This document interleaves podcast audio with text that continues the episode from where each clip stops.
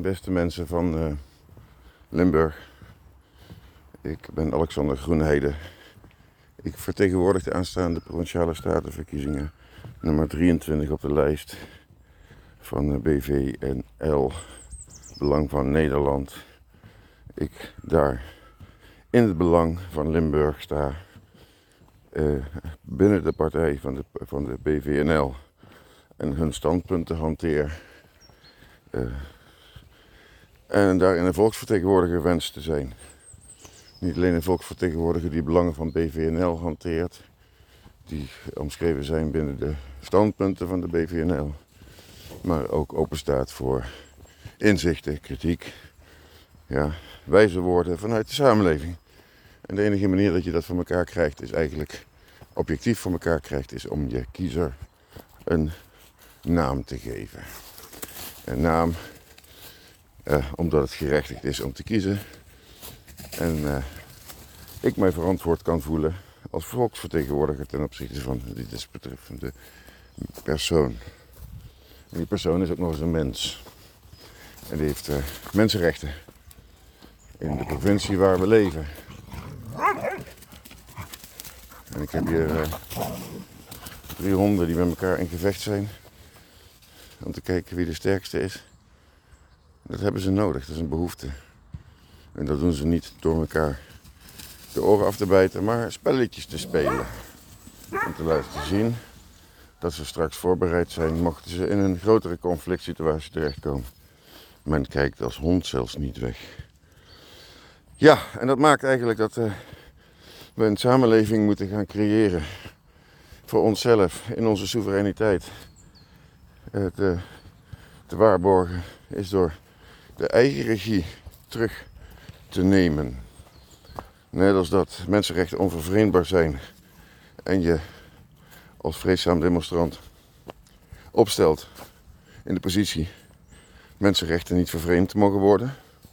En vervolgens word ik veroordeeld als vreedzame demonstrant in mijn recht tot demonstreren vanwege een beperking van die mensenrechten door de overheid. Is een overheid die stelt dat mensenrechten wel vervreemdbaar zijn. In verband met een onbekende vijand. Nou, dan komt het, hè? Die onbekende vijand, die corona, met een mortaliteit van uh, zeker de helft van de mensen op de aarde. Wat het dus niet bleek te zijn, want het bleek gewoon de griep te zijn.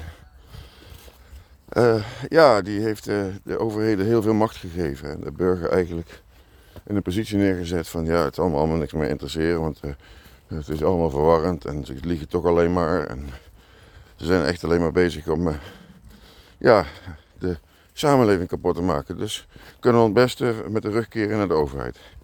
Nou, en dan zeg ik, als veroordeeld vreedzaam demonstrant, die nog zo'n vijf dagen moet uitzetten. En uh, ik ga die vijf dagen gebruiken om iedereen te gaan vergeven die me dit aan heeft gedaan. Dat heb ik gewoon nodig om verder te kunnen naar de toekomst toe met een ander plan waar we met, wat we met elkaar moeten gaan bespreken. En uh, nu zit ik toevallig in de Provinciale Staten en hebben ze me bottom-up op de ene laatste plaats neergezet. Heb ik er heel veel vertrouwen in dat ik ook in die provincie toch nog een verandering voor elkaar zou kunnen krijgen. Maar ook binnen de politieke partij.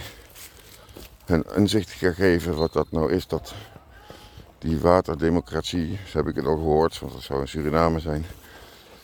Of een, uh, ja, in ieder geval een bottom-up democratie.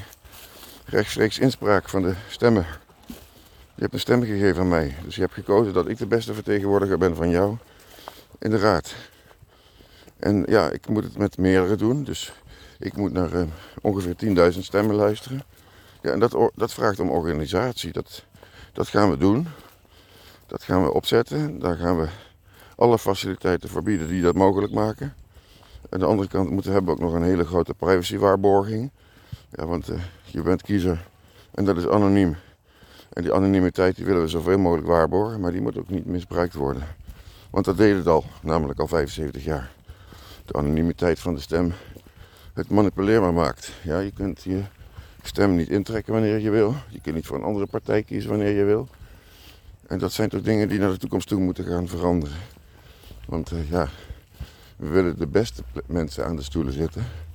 En als er mensen bij zijn die, hun, eh, die hun stem hebben gegeven en die desbetreffende volksvertegenwoordiger doet niet wat, eh, wat ze willen, of luistert niet, of dat doet heel veel dingen achter de schermen, dan kan je beginnen met zeggen, ja maar ja, sorry hoor, ik heb voor jou gestemd.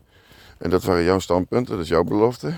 En dan, eh, daarbij heb je ook nog beloofd dat je mijn stem nakomt. Dan praat ik met je over en daar doe je niks mee. Ook geen kritiek, ook geen debat.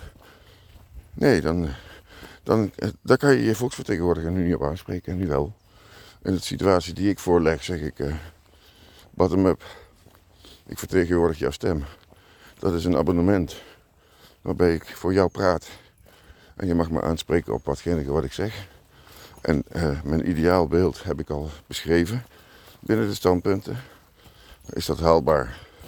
Dat kunnen we ook nog uitdebatteren als daar vragen uitkomen vanuit de provincie zelf.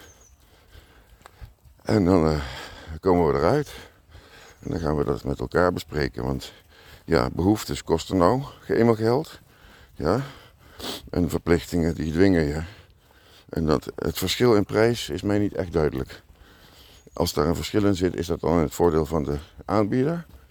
Of is dat nou in het voordeel van de, ja, de cliënt, klant? En uh, dus daar moeten we met elkaar even over in gesprek. Dus die participatie is van invloed. Aan de ene kant uh, leg je de verantwoordelijkheid over bepaalde besluiten vast in je eigen leven, op eigen niveau. En soms dan weer leg je die naar een volksvertegenwoordiger, omdat ze wat verder van bedshow zijn. Maar ook belangrijk. Ja, stroom wat geproduceerd wordt in, uh, in Zeeland en via het net getransporteerd wordt naar je voordeur in Limburg. Ja, die moet wel met meerdere partijen besproken worden. En uh, datzelfde geldt voor het water, gezondheid, schoon drinkwater, vind ik belangrijk.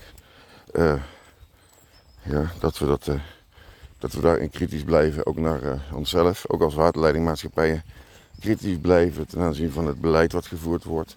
Ja, in hoeverre zijn dadelijk aantoonbare aandoeningen bij mensen ja, de oorzaak terug te herleiden tot drinkwater. En in hoeverre heb je je daar als, als waterleidingmaatschappij op dat moment voorbereid?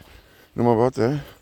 In hoeverre kan je je verantwoorden naar de gemeenschap, naar het publieksrechtelijk domein over die schade. Ja, want de overheid heeft daar wel de verantwoordelijkheid in dan, publieksrechtelijk. Maar wil ook graag weten wat de collateralen zijn. Wat doen we nu met dat drinkwater wat we door de kraan spoelen en van zeggen dat het gezond is? Ja? Terwijl we het op de consumentenproducten niet mogen vertellen.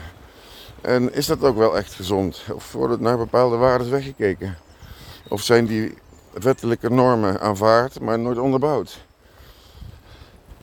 We kunnen er allemaal over meepraten. We zijn uh, misschien wel 50.000 keer zo sterk als de overheid, als we het maar zelf doen.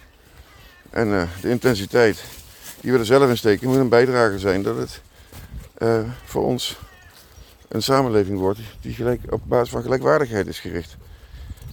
Ja. En tolerantie zijn grenzen kent. Zeg ik maar. Dankjewel.